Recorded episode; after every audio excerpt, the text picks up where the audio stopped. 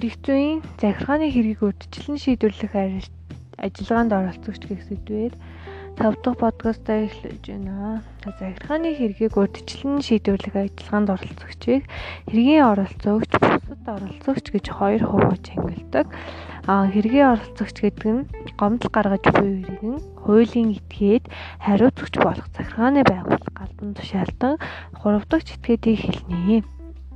За урьдчилан шийдвэрлэх үйл ажиллагааны хариуцагч гэхээр бол тухайн хэргийг хинэн шийдэж байгаа захиргааны байгууллага албан тушаалтны шүүд харьяалах доош чадны захиргааны албан тушаалтан байна гэсэн үг. Жишээ нь одоо нийслэлийн засаг даргад урьдчилан шийдвэрлэх журмаар хандаж байгаа хэргийн хариуцагч нь болохоор дүүргийн засаг дарга байна гэсэн үг.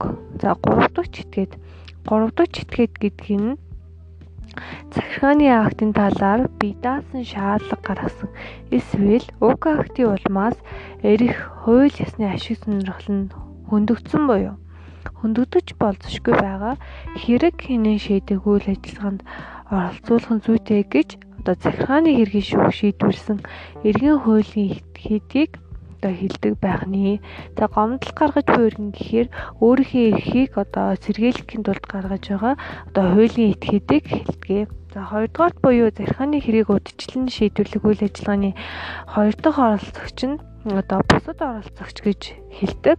Аа бусад оролцогчд маань одоо захиргааны байгууллага хэрэг урдчлан шийдэх ажиллагаанд туслахчийг үүрэг бүхий одоо оролцож буй этгээдүүдийг хилдэг.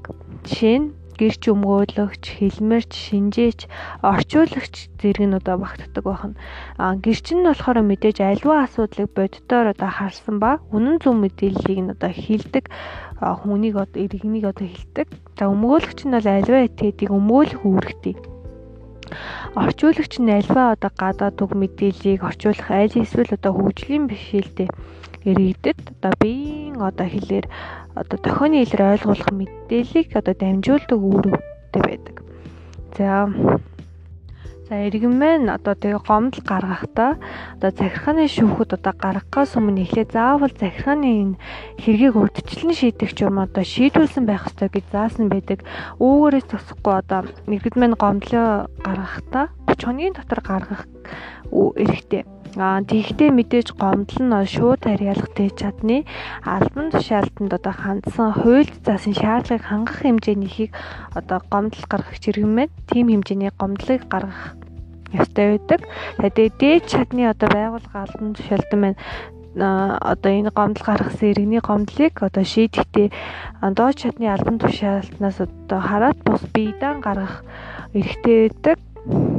За мэдээж шийдвэрээ гаргахдаа мөн адил 30 хоногийн дотор гомдлыг хянаж дараах 3 шийдвэрээ аль нэгээр нь гаргадаг гэсэн заалт өгдөг. Энэ нь болохоор захиргааны нэгдүгээр тул захиргааны акт илт хууль бус болохыг хүлээн зөвшөөрөх. Хоёрдугаарт захиргааны актыг бүхэлдэн эсвэл холбогдох хэсгийг хүчингүй болгох. А гурав дахь нь дахин захиргааны акт гаргахыг даалгах гэх гурван шийдвэрийг гаргадаг. За хэрвээ шууд харьяалах дээд чадны байгууллага албан тушаалтан мануудаа байхгүй бол гомдлоо шууд захиргааны шүүхэд гаргах одоо хандах давуу эрх нь бол гомдол гаргах жиргэнд байгаа гэсэн үг байх нэ.